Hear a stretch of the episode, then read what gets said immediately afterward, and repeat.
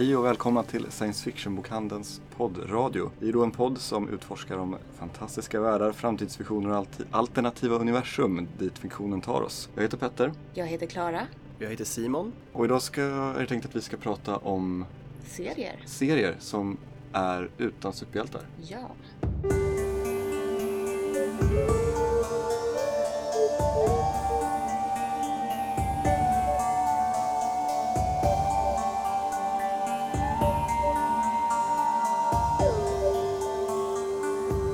Först kanske bara ta lite kort om eh, allt kul som händer i våra butiker. Eller en Ja. kul grej i alla fall. En kul grej som händer i Stockholmsbutiken. 11 juni. Juni? Juli. 11 juli har vi en Stranger Things-dag i Stockholmsbutiken då Adam Christopher kommer. Han har skrivit Stranger Things-boken Darkness at the Edge of Town och vi kommer också ha en hel Stranger Things-dag den dagen eftersom det kommer vara en vecka efter att tredje säsongen har släppts på Netflix. Ja, så man kommer ju ha massa tid att bara liksom bingea den och peppa inför det här. Precis. Så det kommer vara massor med kul aktiviteter och eh, full rulla hela dagen då här. Eh, 11 juli. Ja, Darkness at the Edge of Town. Jag tror att han gillar Springsteen. jag tror också det. Mm. Det känns som det. Det känns som det. Ja, det blir jättekul. Mm. Eh, och eh, det är, sommaren är i full gång. Det är härligt. Så vi har ju preppat på vår hemsida med lite kampanjer. Både Spel. sommarspel och Sommarböcker, sommarklassiker. så det är bara in där och, och botanisera bland allt det fantastiska som vi, som vi har. Spel för när det regnar, böcker för när man kan ligga i hängmattan. Ja, det är perfekt. Mm. Yes, ska vi prata lite serier? Ja! Ja, vad kul. Gud vad roligt. Eh, Simon, du gillar serier, eller hur? Jo då, eh, det gör jag verkligen. Ja. Ja. Eh, Härligt. ja. Vi har ju varit faktiskt, dagen till ära så har vi alla läst en ny serie eh, som släpps här i dagarna. Eh, första samlingsvolymen. Ja. Eh, som heter Die eh, och är skriven av... Eh, Kieran Gillen, Exakt, exakt. även känd för att ha skrivit massa Star Wars-serier och eh, den asballa Wicked and Divine. Mhm. Väldigt bra serie. Fast Mm. jag har, okej, ärligt, jag har bara läst första albumet. Men jag tyckte den var otroligt bra. Det var lite samma... Läs alla utom volym 3. Så, Utom volym 3. Okej. Hur många volymer finns det? tror att det finns åtta ute nu, varav jag tror att volym 8 är lite av en sån här filler-variant. Ah, okej. Där det är typ så här uh, The Funnies och typ uh, julextra och sånt där. Eh, och volym 9 ska tro, tror jag ska vara sista volymen i, i serien. Eh, vad handlar den om? Jag har inte läst den. Det är... eh, Vad är det? Vart 19, 90 år så återföds gudar i människoform. Ungefär. Ja, och ja, de kommer tillbaka och måste lösa massa problem sinsemellan.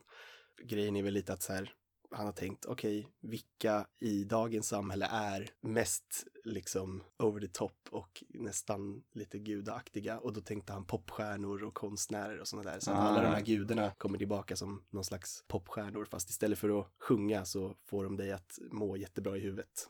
Och de får en massa dyrkare, precis som popstjärnor får fans. Och, Ja. ehm, ja, jag tyckte den var väldigt, väldigt vackert gjord. Mm. Nu var det ett tag sedan jag läste den, men eh, det var väldigt fint när Amaterasu är det väl, som börjar när hon står på scen. Liknar väldigt mycket Florence and the Machines, Ah, lite i snyggt. hennes estetik. Men det är riktiga gudar, eller riktiga gudar, det är liksom gudar baserade från Det är väl lite handplockat från och eh, snott och kulturellt approprierat från diverse olika, Ja, det det. skulle jag tro. Japanska gudar, Ja. nordiska gudar, eh, Lucifer är med som en gud. Ja. Och flera. Jag kommer inte ihåg alla, men det... Nej, eh, Bahamut Ja, Mm. och så vidare. ja, spännande. Jag Mm. får eh, ta mig an första. Du hade bara läst första så här. Jag har bara Ja. läst första. Men alltså jag tyckte att jag tyckte det var väldigt likt. I samma känsla som Sandman faktiskt. Av Neil Gaiman som Mm. vi kanske ska prata lite mer om sen. Sen ja. Ja, men vi kan ju ta Die då.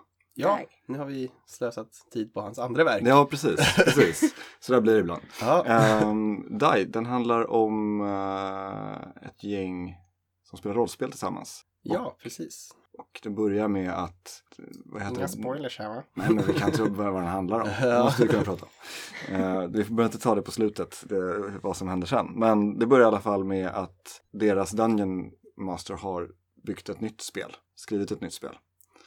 Eh, och man får bara se att de börjar spela och sen så hoppar historien fram. De- De, vad är det, 20? 25-30 år, något sånt där Ja. nästan. Och man förstår att det har hänt någonting Mm. efter att de börjar spela det här spelet.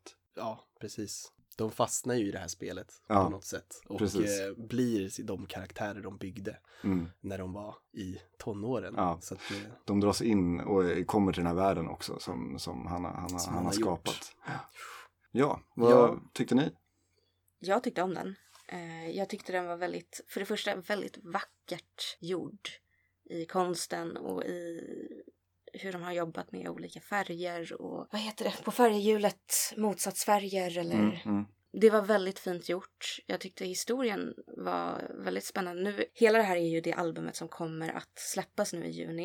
jag tror att den kan ha släppts Den redan kan på ha släppts redan. vissa kanske. platser.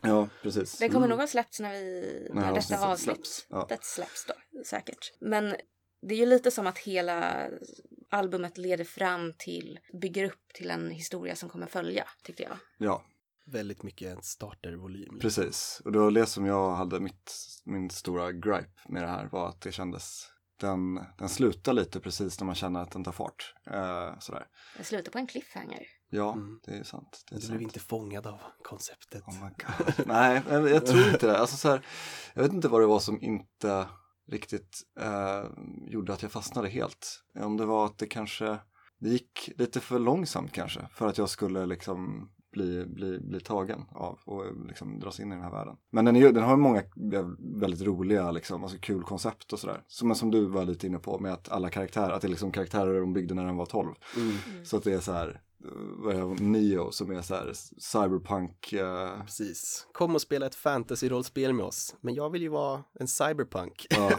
Och så är hon det. och så blir hon det. ja, ja. Ehm, min, jag tycker att den är väldigt, jag tyckte om den. Den var väl väldigt eh, intressant för den, det kändes som att det var lite av en mishmash av olika idéer. Hela utseendet på den tycker jag skriker så här, ah, jag är fett djup och artsy. Mm. Och eh, så här, ah, det finns massa gömda meningar. Men sen när man faktiskt läser den och tittar så känns det som att så här, det här är ju bara anime-karaktärer. Mm. Så här, de är jävligt over the top och så här, ja, det hade, det skulle kunna vara en sån. Plus att de droppar väldigt många basic dd referenser hela Ja. tiden. Jag spelar ju inte mycket rollspel. Eller för att säga, jag spelar inte rollspel. Eh, jag har aldrig spelat rollspel. Jag är kanske den enda på bokhandeln som aldrig har gjort det. Men eh, eh, så allt sånt gick ju över huvudet på mig Mm. helt och hållet. Alltså jag har ju inte spelat D&D men jag spelar ju rollspel. Ja, Ehm, Så att det är ändå samma, man vet konceptet. Mm. ja, Jag, jag tror att man kan läsa den oavsett om man har spelat rollspel eller inte. För Ja. att det är väldigt, det behöver inte vara en dålig grej, men det är väldigt klyschiga referenser och så Mm. grundläggande grejer. de ja men jag tycker, och det är också in på det här att det är skrivet av en 12-åring eller tonåring. Ja, liksom. precis. Eh, att det är typ, man bara jag tar allt som jag tycker är coolt och så lägger jag ihop det. Ja, Det, det som jag tycker är roligt med det är ju att den världen byggs, eller de kommer in i den världen som tonåringar, när allting som man tycker är coolt som tonåring är jättecoolt. Mm. Och sen återvänder de när de är vuxna. Och då kommer det en, det vuxna perspektivet på de här Mm, sakerna. precis, precis. Eh, Det är ett avsnitt, eller en bit där, kommer inte gå in på det väldigt mycket, men eh, refererar väldigt mycket till tolken.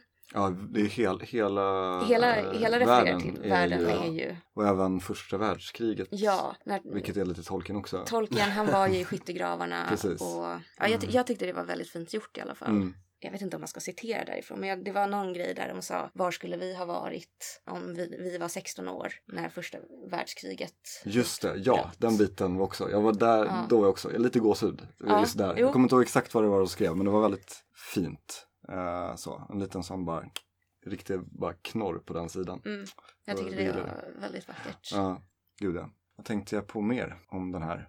Uh, ska jag säga, jag skrev ner lite olika saker. Ja, Who, ja där, jag har till och med skrivit den där. Who volunteers to go into a dungeon? Ja men titta. Det var den. Ja, Ehm, öppningen på en av issuesarna. ja, Ja. Det är även kul med karaktärerna att de är väldigt, de, de har liksom sina ganska unika traits. Jag gillar typ, vad heter det, vad heter det Grief Knight som, eh, Det var där jag började tänka lite att det var alltså, ja, ja, som en shonen manga nästan. Ja. Att de så här, ja, "Ja, han blir stark när han blir ledsen. Tänk på något som är tråkigt och som du inte tycker Ja. om. Men det är ju också sådär, det tycker man ju är så coolt när man är typ 16 och är Ja, så här, det är coolt exakt. att vara ledsen. När man är vuxen, ja. För det Ja. finns även, det är liksom inte, det är värt att säga det att det, kan, det är verkligen inte som, den har inte den här hype-stilen som en anime har, utan den är ganska mörk. Ja, Mm. Fast den har liksom ändå element från de här väldigt Ja. löjliga, ja, ja. löjliga inom citattecken. Nej men alltså ljusare grejerna. Ja men det är ju som att de har, de har med de aspekterna men också behandlar det som det här händer verkliga människor. Mm. Hur ska man reagera på det? Precis, precis. Och det är ändå ganska tunga, ja, men precis, exakt som du säger också där med att det är liksom grejer som, som man låter coolt när man är tonåring och sen när man blir vuxen och liksom dealar med verkligheten. Eh, så Mm. på ett annat sätt så blir det en helt annan, helt annan kontext. Det är också den här eh, cyberpunk-karaktären som är liksom som en drogmissbrukare som behöver sin fix varje dag för att kunna slåss. Typ. Mm. Också bara jävligt coolt och bara en helt annan dimension när de, när de är äldre. Liksom. Mm. Super, supertufft. Um, har vi något mer vi ska säga om den här serien? Eh, den är bra, Ja, läs den. ja. Första samlingsvolymen kommer nu. Gillar du rollspel? Gillar du eh, snygg art Mm. i serieböcker? Fantasy, det är väldigt många fantasy-referenser till olika verk Ja. i Mm. den. Eh, grymt bra, tyckte jag. Mm. Mm, jag med. Ja, och jag tyckte den var helt okej. yes. Um, ska vi hoppa vidare till att prata övriga serier eller? Jo, ja, men visst. känner vi. Det kan vi göra. Ja, um, nog om, om den. Uh, kul serie, också speciell. Och på tal om speciella serier så finns det ju massor med annat kul att läsa om man är sugen på någonting som inte är superhjältar. Absolut. Uh, och sådär. Um, jag vet inte, du gillar Sandman? Jag hört. gillar Sandman. Mm. Jag gillar Sandman väldigt mycket. Ehm, det är ju ett sånt här... Man, man, om man ska prata serier som inte är superhjältar så är det ju ett litet gränsfall. Sandman började ju som Ehm, att Neil Gaiman fick ta upp den gamla DC-hjälten från, jag vet inte, 60-70-talet och göra något nytt med den. Så att i de första albumen så är det är fortfarande i DC-världen. Det finns fortfarande, de refererar till en del av superhjältarna där. Justice League till exempel refereras till, det kommer upp några av de mindre superhjältarna som har varit med i DC-universet. Men jag skulle väl säga att Sandman är så mycket mer än det. Sandman bygger sin, sitt eget universum också. Kort synopsis för de som inte vet Sandman. Eh, huvudkaraktären är personifieringen av konceptet dröm. Det finns de sju, nu när man ska översätta det här i huvudet hela tiden så blir konstigt, men de sju ändlösa, endless, eh, som alla är syskon, då är det Destiny, Death, Dream, Desire, Despair, Destruction och Delirium. Nu inte i rätt ordning sagda, men alla börjar på det i alla fall. Och eh, det här följer Morpheus som är dröm och eh, det börjar med att han har blivit instängd av en okult sekt som egentligen ville fånga döden för att kunna leva i evighet. Men de råkar fånga dödens bror, Dröm, istället. Ska väl inte gå in på det så väldigt mycket för att de som har läst serien, de vet vad som händer. De som inte har läst det får väl se vad som händer. Men stilen som Gaiman har, han blandar, han blandar superhjältar med myter, med legender, med eh, litterära referenser. Shakespeare är med på ett hörn. Eh, en av eh, de korta historierna som, heter, som är Midsommarnattsdröm vann, eh, var det Hugo? Eller någon av, någon av dem Mm, eh, mm. vann för bästa novell. Jaha, Och- bara över alla liksom? Över Ja, alla. mm, Efter det så blev det vissa som vart sura för att en serie vann det. mm. Och de ändrade på kriterierna att det måste vara typ prosastycke. Ja, ja. Men eh, det är jättebra, jättebra serie, jättehög kvalitet. Och jag skulle säga att det har lite grann satt tonen för väldigt många serier som kom efter det. Mm. Ja men okej, coolt. Men på vilket sätt då, tänker du? Jag skulle säga, dels har det fått en massa spin-offs. Mm. Lucifer, serien Lucifer av Mike Carey Mm. som var gäst i podden för några avsnitt sen. Det som handlade om djävulen och helvetet. Ja. Ehm, Även stor känd tv-serie ja, finns det på den. precis. Och den tv-serien kom ur den serien som var en spin-off på vad som händer i Sandman när, när djävulen Lucifer inte längre vill eh, basa över helvetet utan slutar, åker till LA, startar nattklubb där han eh, spelar piano. Men eh, så jag, jag får lite, alltså det är verkligen gamen-vibbar överallt. Alltså, ja, jag det så här- är, det är oerhörda Gaiman-vibbar. Mm. Eftersom han skriver det. Men äh, även typ, man, man tänker ju American Gods och Ja. Good Omens. Men det var, det var ju också där som Gaiman blev stor i och med Sandman. Det var ju, skrevs ju från 88-89 till mitten av 90-talet, de serierna. Och någonting som är väldigt fint med det är att varje eh, issue, svenska, Nummer. Tack. Tack. Varje nummer, Varje hashtag. varje hashtag eller nummer har eh, en ny eh, te- tecknare. Mhm. Det blir en ny, ny stil Aha. på eh, hur det ser ut. Så det är väldigt föränderligt. Är det så i varje nummer på Ja. hela scenen?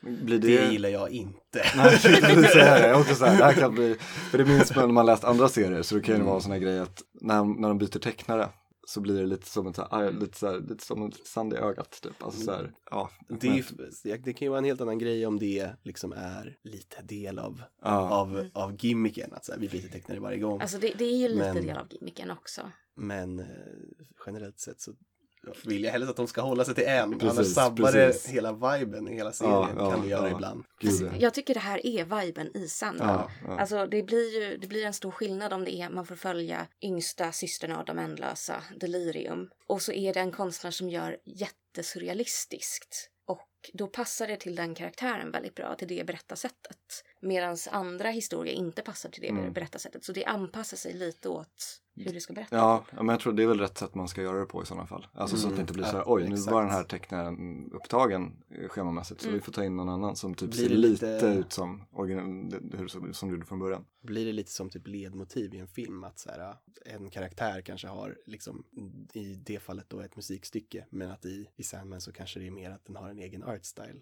Eh, Mm. s- Där i delarna som handlar om den är mer åt det hållet.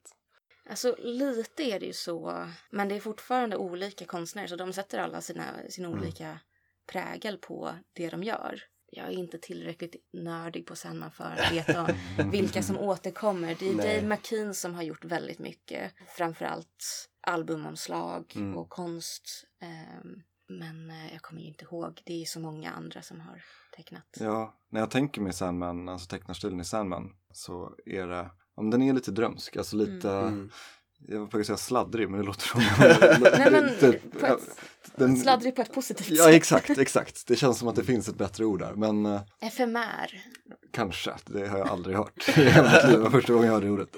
FMR, ja men kanske en FMR-stil. Mm. Men jag hade ingen aning om det här att de byter tecknare så Mm. ofta. Eh, gör Och jag, jag tycker det är positivt. Sen förstår jag verkligen så här, andra serier när det har varit en och samma tecknare under en lång period så att man har vant sig vid den här specifika stilen så byter det till någon helt annat och det blir en helt annan ton i berättandet Mm. och sådär. Då blir det en annan grej också. Mm. Men Sandman är också en väldigt, väldigt, väldigt lång serie. Mm. Och jag vet inte, jag kanske föredrar kortare bara. Mm. Eller så här sex volymer. Ja, precis. eh, rackaren där de faktiskt kan få en, en tecknare och författare att hålla sig till det. Precis, precis. Ehm, Ja, jag kan känna ja, men lite som med tv-serier också som blir långa. När det är så många volymer i annat. Det blir så här, jag, jag tror aldrig någon serie som är fler än typ tio volymer har jag inte orkat riktigt. Det är exakt tio volymer i samma. Är det det? Japp. Ja, men se på fan.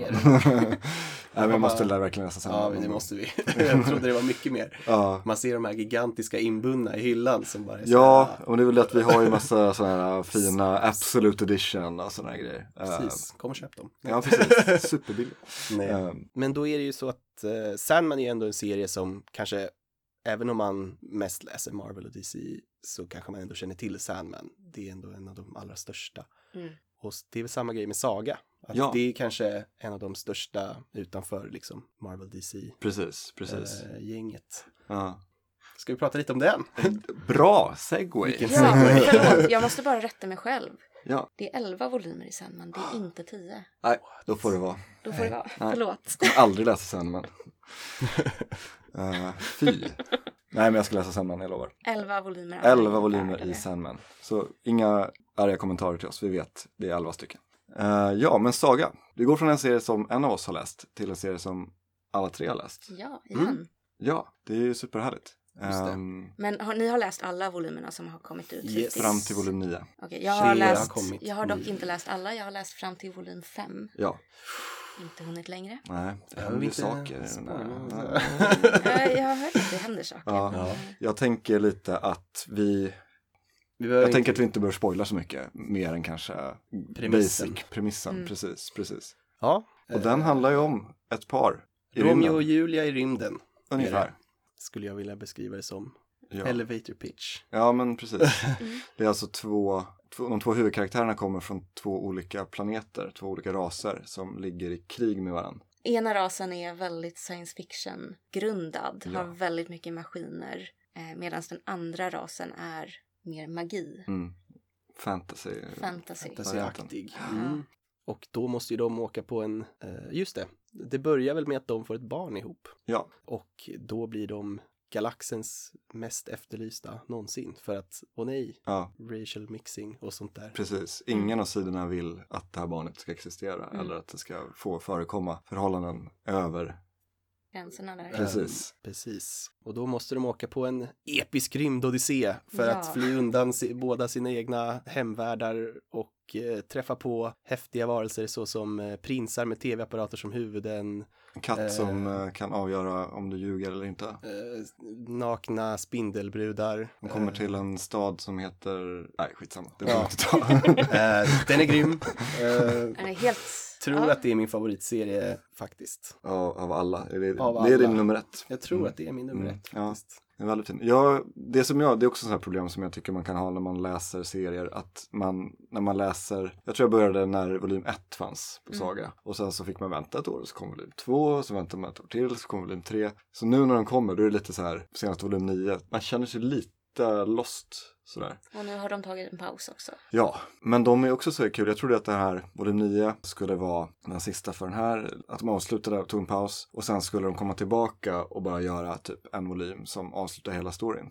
Mm. Men jag läste intervju med, var det Brian K. Vaughan eller Fiona Staples? Vilka är... Författaren Författaren och tecknaren. tecknaren. Precis. Och där så framkom det att de är halvvägs. Det här är liksom mittpunkten Oh. av, av historien. Så Oh. att det, det är Så då kommer det ju bli en kvar. serie över tio volymer. Nej! Ehm, Gud, det hade jag tänkt på. volym 9 slutar på den största cliffhangern Ever. eh, ever. Mm. Så att, eh, Men det ska vi inte Spännande. prata om och det är också en sak som jag vill pusha för innan vi pratar om någon annan serie med, med, med Saga. Eller vi kan ju bara, dels att alla science fiction, alla de här karaktärerna som vi pratar om, det är ju helt fantastiska eh, koncept på Mm. liksom karaktärer, och raser och varelser och platser. Det liknar liksom ingenting som jag har sett eller läst i De science tar någonting som är känt sedan tidigare, liksom välkänt, någon, någon vardaglig grej. Mm, Och sen gör en twist på det. Till exempel prins med tv som huvud. Mm. Det är en hel ras med mm. robotar med eh, tv-apparater Ja. som huvuden. Och Ja. kungen i den rasen, kungen på den planeten har en skitstor widescreen Ja. som huvud. Också det är ju bara så jävla fantastisk liten detalj bara liksom som Ja. är briljant. Alltså det känns som så många grym. bara skulle säga alla tv-apparater som huvud. Så bara, nej, Nej, nej, alltså, nej. det stämmer ju med widescreen. Ja, och precis, så det finns ju en vaktmästarrobot också. En Han har väl en va- vaktmästarrobot. Ja. svartvit...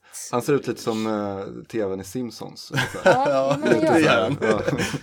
Ehm, och de förmedlar sina känslor eller sina tankar genom sin tv-skärm ibland när de inte kan kontrollera Ja, det, och vilket leder till situationer. Det är fantastiskt. Ja. Mm. Ja, det, är en, det är en sån superrekommendation. Jag tror inte jag har träffat någon som, in, som har läst den här serien och inte gillat den. Det liksom känns som ett sånt, jag har ju typ, när jag ska försöka få folk att börja läsa serier så är ju det en av mina go-tos. Alltså bara så här, ja, ta, ta den här. Mm. Och Ja. så kan du tacka mig sen liksom. Och ja, det jag skulle säga även, uh, artworken i den, alltså det är ju fantastisk. Ja, Hon, Det- Fiona Staples. ja, Det är väl nästan det enda hon har tecknat egentligen som är interior art. Jag vet att hon gjorde lite i början på första i All New Archie. mm. Jaha, ja just det, det gjorde hon. ja. Men sen där är det en sån serie där den bara byter författare, eh, tecknare hela tiden. Eh, och då blir jag sur och vägrar läsa. Speciellt när man byter från Staples. Ja, exakt. Man bara, de börjar med Staples. Ja, man kan inte göra det. Nej, alltså, exakt. det, går, det går inte att, att liksom uppa det, utan då börjar man på topp. Det finns bara en väg därifrån. Nej, det är fantastiskt. Hon använder eh, bara färger och det är liksom som Väldigt aggressiv, typ. sketchy Ja, linework mm. som på något, ja, det är sjukt bra. Mm. Jag är väldigt sugen på att köpa de här äh, stora A3-utgåvorna. eh, Inbundna. Ja, bara för att kunna sitta och Njuta. njuta av teckningarna där. Mm. Det, det, det kommer jag nog göra någon gång. Någon gång i livet när jag är rik, tänkte jag. uh, känner vi oss klara med Saga eller? Hur, Ja, men visst. tänker ni? Ja. Eh, och eh, om vi nu ska hylla tecknaren till Saga så tycker jag att vi kan hylla författaren också. För Brian K. Vaughan är typ nästan allt han rör är guld. Ja, Han har också skrivit bland annat Runaways för Mm. Marvel. Han har skrivit Why the Last Man, Ja, en väldigt hyllad den serie är för fantastisk. Vertigo. det var nog den första som jag läste när jag gick, slutade, eller när jag började upptäcka att det fanns något annat än superhjältar uh, Mm. i serieväg. Så var det en sån som jag fastnade för totalt. Och jag, nu har jag inte läst den på väldigt länge, det är säkert tio år sedan. Eh, men gud, det är en fantastisk serie. Den går ut på att en kille som heter Yorick och han plötsligt en dag så dör alla män på jorden. Eh, och sådär. Och så handlar det om... Det är Utom väldigt, så här- han. Utom han, precis. För han är the last man. Why the Last Man? Exakt, därav It's the titeln. title of the movie. Yes. Och den har, tar ett väldigt sånt, vad ska man säga, det närmar sig det här med en väldigt eh, så här, grundad i verkligheten. Så här. Hur skulle det se ut om alla män försvann från jorden? Eh, Den har ju både blivit hyllad till skyarna och fått ganska mycket kritik nu i det här känsliga klimatet. Mm. Men eh, han har också skrivit. Segway-mästaren. Segway-mästaren Eh, Simon. Paper Girls, som vi sitter här med. Ehm, Paper Girls. Ja, Paper Girls är bra Eh, också. Apropå Stranger Things-dagar, eh, väldigt hett med barn som löser mysterier. Eh, väldigt inne just nu, skulle Mm. man kanske säga. 80-talsbarn som löser mysterier. 80-talsbarn som löser mysterier. Det finns rollspel från Simon Stålenhag och konstböcker. Kids on Bikes finns ett rollspel som heter och mm, Stranger Things finns det och nu finns det också Paper Girls Yes. som handlar om eh, ett gäng eh, tjejer i tonåren som är cykelbud, Paper Girls och sen blir de indragna i något slags tidsresedrama. Mm. Ehm, Ja, det Ja. är fantastiskt. Och den är också lite samma, den är inte lik Saga alls på många sätt. Men samtidigt Nej. så är det det här liksom science, hur den hanterar science fiction, eh, gör den på ett väldigt kul och, och, och bra sätt. Alltså, de stöter på en, spoiler kanske, jag vet inte, inte riktigt spoiler, men de stöter på en, de åker tillbaka, de åker igenom en tidsportal och hamnar i kanske stenåldern, man vet inte riktigt. Men där stöter de på en stam som avdyrkar Apple-produkter. just det. Så de har liksom så här stor play-symbol och paus-symbol typ så här inristade på deras bröst typ. Alltså så här, det är det har ramlat eh, prylar från precis framtiden genom tillbaka andra, en andra tidshål. portaler. Ja. Precis, exakt. Mm. Och den är jättebra. Den är tecknad av Cliff Chang. Mm. Jag vet inte vad han har gjort annars. Han har gjort lite Wonder Woman tror jag. Ah, okej. Eh, Ja. Men i den så tycker jag framförallt att det bästa är Jordi Belairs eh, färg, Mm. färgjobb, vad man Mm. ska kalla det. Mm. Eh, den har ett väldigt så här, men också mycket motsatsfärger, eh, lite, ja, väldigt mycket lila och blått. Ja, den är precis. väldigt snygg. Sådana galna färger som jag Mm. tror många tecknare skulle, eller inte många, men liksom här, om man inte vet vad man pysslar med så kan det bli väldigt fel. Om man Mm. Ja. liksom går in på den här delen av färgspektrat. Eh, det är väldigt så här, out there alltihop. Det är inget som riktigt är så här, naturlig färg utan det är spejsat. Eh, Mm. Coolt. Du hade inte läst? Nej, jag Nej. har inte läst än.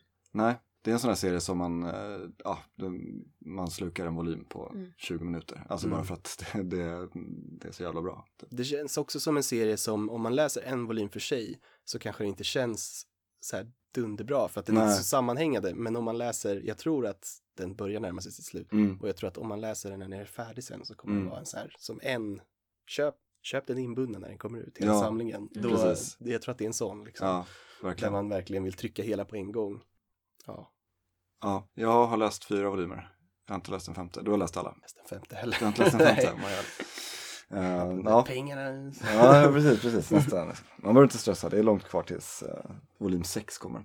Just det. Ja, vi kan ju fortsätta lite på, när vi ändå är inne på, jag ska försöka göra en sån här segway som du är så duktig på. Se, Jag segway har den Simon. annars. Jag har den Ja, annars. du har den? Ja, men kör. Ja, eh, och från Brian K. Vaughan, som först jobbade ganska mycket med Marvel i Runaways, så kom vi till en annan författare som också gjorde det, eh, Jeff Lemire, Ja. som har skrivit mycket Marvel och kanske lite DC Mm. och eh, skriver jättemycket grejer. Ett återkommande tema som jag vill trycka på här är att många av de bästa författarna skriver först för Marvel och DC och sen så går de till något annat förlag och får göra det de faktiskt vill göra. Precis. Och då blir det mycket bättre. Ja, ja. Ehm, men Jeff Lemire, ja.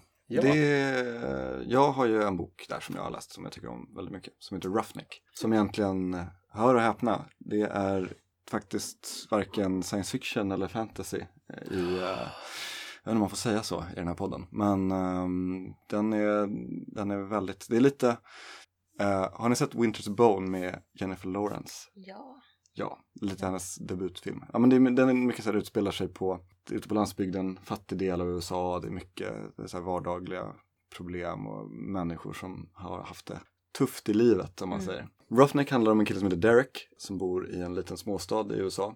Han har eh, problem med alkoholen, han har problem med att han hamnar i slagsmål hela tiden och ställer till då, åker in och ut ur eh, lokala fängelset och sådär. Han har en hockeykarriär som, som tog slut eh, väldigt tidigt just på grund av att han har stora aggressionsproblem. För det är någonting som ligger i hans förflutna som har ställt till det. Och den serien tar vid när hans syster kommer tillbaka efter massa år. Hon har bara varit spårlöst försvunnen. Och det visar sig att även hon, de har lite samma bakgrund de här två, kommer från samma familj och sådär. Så att hon, hon har ju lite bagage hon också. Vilket har lett till att hon har hamnat i drogproblem och, och träffat fel människor och ja, hennes liv har gått lite knackigt. Eh, och sen så är det liksom, det handlar om deras relation. Så. Men den är väldigt enkel och eh, avskalad. Och om man är sugen på någonting som inte är science fiction eller eh, fantasy eller superhjältar och så här, så bara någonting som är lite mer simplistiskt så, och verklighetsbaserat så är den jätte, ja, jag tycker den är fantastisk. Och det är bara en volym också. Och den är, väldigt tjock volym. det är en tjock volym men det är mycket bilder. Han tecknar den själv, eller hur? jag tror det. Och det, den är väldigt avskalad och enkel i sin tecknarstil också. Precis, han har han- en väldigt så här, lite halvslarvig nästan, squiggly lines, Ja, eh, precis. fast ändå vackert på sitt sätt. Ja, Stil. Ja, och han eh, har, använder väldigt sparsamt med färger. Det här utspelar Ja. sig i, jag vet inte exakt var i USA, men det, det är kallt. Så att det är mycket snö, så det är mycket vitt och lite blått och kanske lite brunt. Så det är väldigt så här, den är otroligt fin. Och han, han jobbar mycket med färg också, när man får se lite tillbakablickar om vad som har hänt tidigare i deras liv. Och då blir det, då tar han fram hela paletten istället. Så att det är en väldigt så här, snygg liten eh, detalj bara. Visuellt berättande. Visuellt berättande, det är det som serien Ja. ska användas för. Och jag kan få, på den, kan jag, nu kan jag göra en segway. Ja. Lock and Key är en serie som jag tycker är väldigt bra och det den serien gör väldigt bra är just det visuella berättandet. Mm. Lock and Key är en, den är skriven av Joe Hill. Stephen Kings son, va? Precis, Mm. precis. Eh, skriver massa skräckböcker och sånt där också. Ja, exakt, exakt. Och, eh, Eh, Det handlar om en familj där pappan i den här familjen dör och de ärver ett stort hus kallat Lovecraft. Och när familjen flyttar in i det här huset så går det inte lång tid innan sonen hittar en liten nyckel. Han undrar vad den går till och när han märker att han håller den här nyckeln så ser han nyckelhål i nacken på alla... Nej, Nej, du säger, nu säger jag det, fel. jag, har inte lä- jag har läst första volymen Ja. och det är inget uh, nyckelhår i nacken i första volymen. Är det inte det? Nej, eh, han, den här nyckeln leder till en dörr och om man går igenom den så separeras man av sin Ja, det egen kropp så den börjar. och blir något slags flygspöke. Man, blir, man dör när man går igenom den dörren. Ja, nej, för han kan komma tillbaka. Ja, men man, just när man, är- man precis. Okej, så ja, man dör. Men man dör, ja. Men han, sen kan man komma Man blir någon sorts Eller något. ethereal Något varelse. Ja, precis. Just det, så är det. Mm. Ja, och, men då kan vi ta lite så här. Eh, det finns ju inte bara en nyckel. Som jag redan har avslöjat. Eh, nej men det som gjorde att jag fastnade för den här serien väldigt mycket det var just den här nyckeln som jag började prata om. eh, som öppnar Den folks skallar. Man, eh, när han sätter in nyckeln i nacken. Det här är ju inga spoilers, det är också tidigt. Kanske inte är första volymen, men i sådana fall två, så är det andra. Det är, ja, jag tror att det det är, bara mer ett, ett, det, är, det är mer ett koncept än vad som faktiskt händer. Mm. Men när jag vrider om det så ploppar liksom hälft, halva skallen av. Så man kan titta ner i människors mm, Mind. Ja, precis. Undermedvetna. Mm. Så man kan se om det är, alla issues man har kan man liksom se där. Och Coolt. även, det är någon tjej som är väldigt blyg och sådär och då ser hon det som ett litet svart monster typ som är i, i hennes skalle. Så det kan man bara lyfta ut och lägga i en liten glasburk till exempel eh, om man vill det. Och då inte då har hon tappat den liksom. Ja. Och man kan även kanske ta den och sen lägga den i någon annans huvud och sådär. Så det är coolt. Du hade läst den första bara, första volymen. Jag har bara läst första volymen. Jag tyckte om den. Tecknarstilen var inte riktigt min grej. Nej jag vet, men, vi har haft eh, uh, diskussioner hårda om debatter. det här. Ja precis, jag tycker att det är en Eh, fantastisk tecknarstil. Men eh, jag tyckte om den. Det är väl värt att säga också att det är inte kanske skräck, men thriller och det är också en mördare on the loose Precis, som de måste gömma sig från. exakt. Eh, så det, ja, typ så. Mm. Och jag kan säga om jag bara går tillbaka till lite det här med visuella berättandet i den här. Mm. Det är väldigt snyggt hur de gör, det kan vara i den här boken så kan det vara att man kommer till ett uppslag och det är mer eller mindre samma bild här, om och om, om igen. Uh, så man blir så här, oj det här ser konstigt Mm. ut. Men sen märker man att när man tittar närmare så är det det är något liten detalj som ändras i varje. Så att det blir väldigt snyggt fokus på att liksom framhäva rörelser och händelser i, i berättelsen som jag inte riktigt sett göras på något annat, samma sätt någon annanstans. Jag tänker, gör inte... Har inte Allan Moore en liten sån Ja, jo, stil? det har du faktiskt rätt i. Med väldigt stor fokus på, Yes. fokus på Mm.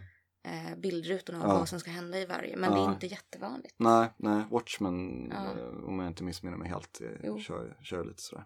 Ja, nej, men Mm. Lock and Key, väldigt bra eh, och kul serie. Ja, Um, har vi några mer som vi vill prata om? eh, jag tycker att vi kan ta, nu när vi drog oss ifrån sci-fi lite, tycker jag att vi bara kan dyka ner i sci-fi Ja. igen. Ja, Eh, med Descender. Ja, vi, Eh. ja, den var snygg, den segwayen. vi descendar ner till Descender. Ja, I, I thought of that. Ja, coolt, bra, bra jobbat. Tänkte inte alls på det alls faktiskt. men ibland blir det bara så. Ja, fantastiskt. Ibland så händer En Happy little accident. Ja. Ja, Descender, Ja. Simon vad handlar den om? Den eh, är en sci-fi-serie.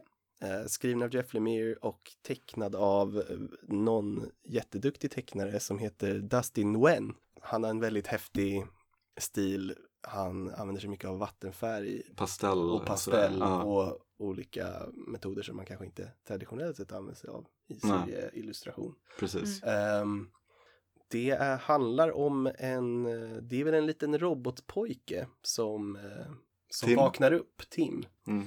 Eh, och eh, han har varit någon slags så här, kompisrobot, så här nanny-style-robot till en liten människopojke. Men han vaknar upp och fattar inte vad som har hänt och när han sen kommer ut i världen så visar det att oj, det har hänt något förfärligt. För att för Mm. typ 10 eller 20 år sedan Ja, eller något något så kom det gigantiska megamördarrobotar från yttre rymden och utplånade jättemånga människor Mm eh, och organiska varelser. Mm. Och efter det då så blev det någon slags robotuppror, eller snarare en slags eh, purge av robotar. Alltså här, folk litade inte på robotar längre. Nej, det finns liksom organisationer som typ, eller organisationer, grupper som bara förföljer robotar och har Ja, ihjäl dem bara för att Och- få någon sorts hämnd typ. Nej men det är också så här bounties på robotar Ah, och sånt där. mm. Eh, och den här lilla roboten, Tim, det visar sig då att han har, delar någon slags dator-datakod Mm. med de här stora megamördarrobotarna. Mm. Ja, Eh, så hela galaxen börjar jaga honom. ja, folk börjar få nys om Eh, det här att han delar ja, samma matris precis. typ. Den är riktigt bra tycker jag. Mm. Eh, och skönt att den bara är sex volymer. Ja. Är den klar nu? Den är klar, Ja. men de håller på och jobbar på en så här 20 år efter det här Aha, uppföljare okej. som heter fattar. Ascender. Okej. Ah, Som är lite mer fantasyaktig. Det är samma författare och tecknare, men eh, det är typ lite senare i världen. Ja, efter coolt. deala med konsekvenserna av slutet på Mm. Descender. Mm. Coolt. Den är väldigt ball, han, mycket så här, vad är en människa? Ja, Frågeställningar. Klassisk sci-fi Ehm, men ändå Vad är en intressant. levande varelse? Och eh, fantastisk eh, artwork i den. Ja, Många minnesvärda karaktärer. väldigt, han är ju väldigt duktig på just ansikts och fånga liksom känslor i an- i ansiktsuttryck. Så, och det blir väldigt, just med den här pastell vattenfärgstekniken så blir det superstarkt eh, tycker jag. Det är fint, Mm, väldigt fint. jag gillar er volym 3 tror jag, när de har liksom, den berättas i som i sjok. Man får veta folks historia eh, i Folks satta intervall. Liksom. Ja, Ja, ja, men jag tror det är en väldigt snyggt, snyggt berättad.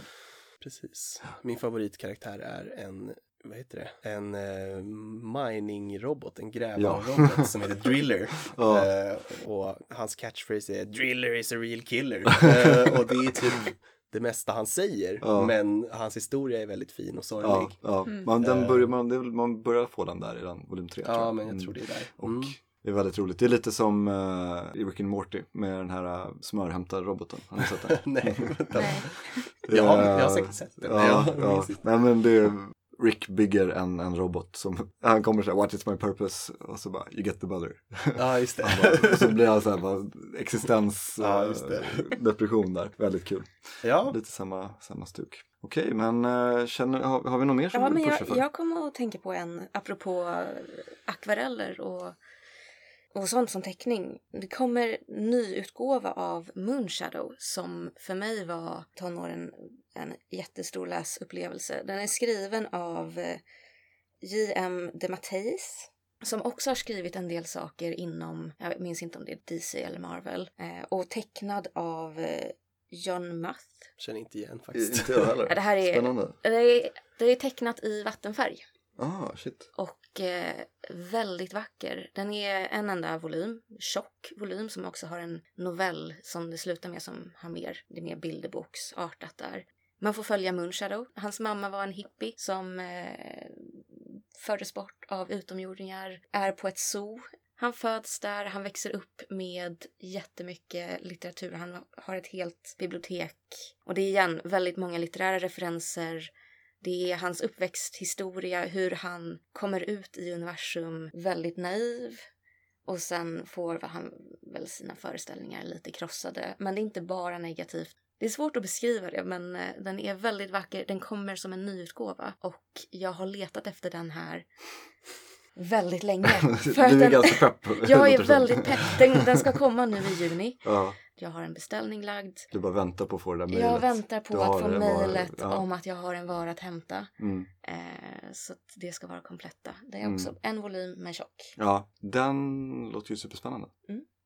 Ska vi eh, köra lite så här quickfire rekommendationer, en kortisvända, Ja. runda? Vi säger en var. Ska vi göra så? Okej, ja. Nu har jag ju sagt precis mina favoriter. Oh no. Ja. Men ska vi ta varsin då? Ja. Jag kan börja med We 3. Tycker jag är cool. Oh, Vet ni, har ni hört talas om den? nej. Eh, det är också en, det är en volym.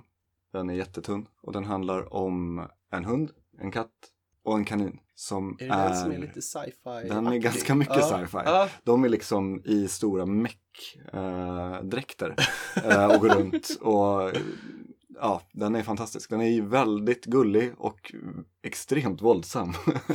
Eh, det är en fantastisk, jag tror att det är den är ju skriven av Grant Morrison och han är ju duktig på att göra lite wacky sci-fi. De här tre eh, meck-djuren flyr från eh, forskningsanstalten där de är uppfödda och sådär. Och sen får man följa dem bara under sin flykt. Det är lite som den här Disney-filmen, vad hette den? Kommer ni ihåg den? Med... Eh, Babe. Nej, vad fan heter den? Den oändliga färden, den långa Ja, resan, någonting sånt där. En Djur som Ja. eh, är kompisar och eh, reser slash flyr någonstans. Precis. Så gillar Ja. ni den, men kände att det saknades lite, lite mex och, eh, och jättemycket våld. Fantastiskt bra. Och som sagt, tunn. Vill man bara ha en quick read så är den en rekommendation. Mm. Min sista då, det är Headlopper av Andrew McLean. Det är en av mina favoriter. Det är väl, eh, ja men elevator pitchet där skulle det vara typ The Witcher möter Adventure Time. En action-äventyrserie som följer Lorgar, the Headlopper. Han är en stor, tyst, stark krigare som gillar att hugga huvudet av saker. Ehm, och den är tecknad i en eh, väldigt eh, häftig stil. Det är väl lite Mike Mignola, Ja, Hellboy-inspirerat verkligen. fast med lite så här eh, mer rundade linjer och sånt där. Inte lika hårt och inte samma liksom Inte de här skuggorna, Nej, ljuset. inte samma liksom kontrastjobb som Mignola som väldigt många älskar, men i alla fall. Jag tycker den är superbra. Uh, jag vet inte vad man ska säga om den Mm. egentligen. Den, den är en riktigt välskriven uh, äventyrsbok med en sjukt snygg artstyle och eh, en eh, cool huvudkaraktär. Det finns just nu volym 1 och 2 samlade. De är ganska tjocka båda två, men volym 1 är nästan dubbelt så tjock som volym 2. De är väldigt mycket arcs. Att så här, bok 1 är en separat grej. Bok 2 är det som hände sen, men det är inte någon koppling till volym 1. Nej. Och han håller fortfarande på och ger ut den och släpper single issues, men det går långsamt. Mm. Tycker den är riktigt bra Mm. faktiskt. Spännande. Jag har velat läsa den länge. Mm. Det, det får, det, det måste, må bli av snart för min Mm. del. Kanske i sommar. Ehm, ja, gud. Den är ganska att lättsam liksom. Ja. Mm. Vi skulle kunna sitta här i timmar och prata om, jag har liksom en lång lista på grejer som jag skulle, jag bara jag kommer på saker hela tiden, bara just det, här, den här. Ja. Eh, men vi kan ju säga det att eh, om vi rundar av lite Ja. så finns vi ju på Facebook och Instagram, sfbok. Man kan även mejla podd sfbok.se om ni vill ha ännu fler tips, för vi har mer. Vi kanske behöver göra ett uppföljningsavsnitt på det här. Mejla oss till podd med 2 sfbok.se om ni vill ha rekommendationer eller om ni har tankar, åsikter om det här avsnittet. Ja, det var väl det vi hade för oss för den här gången. Vi är tillbaka igen om två veckor och då handlar det om någonting som vi inte vet än. Nej, det Men det blir är ju väldigt kul. spännande. Spännande. för oss, för er som lyssnar och sådär. Så vi får önska er en väldigt skön midsommar och eh, hoppas solen skiner. Om inte, sitt inne och läs och spela spel. För det tycker vi är bäst. Absolut. Det är bäst. Tack så mycket, ha det bra, hej då! Ha det gott. Ha det bra.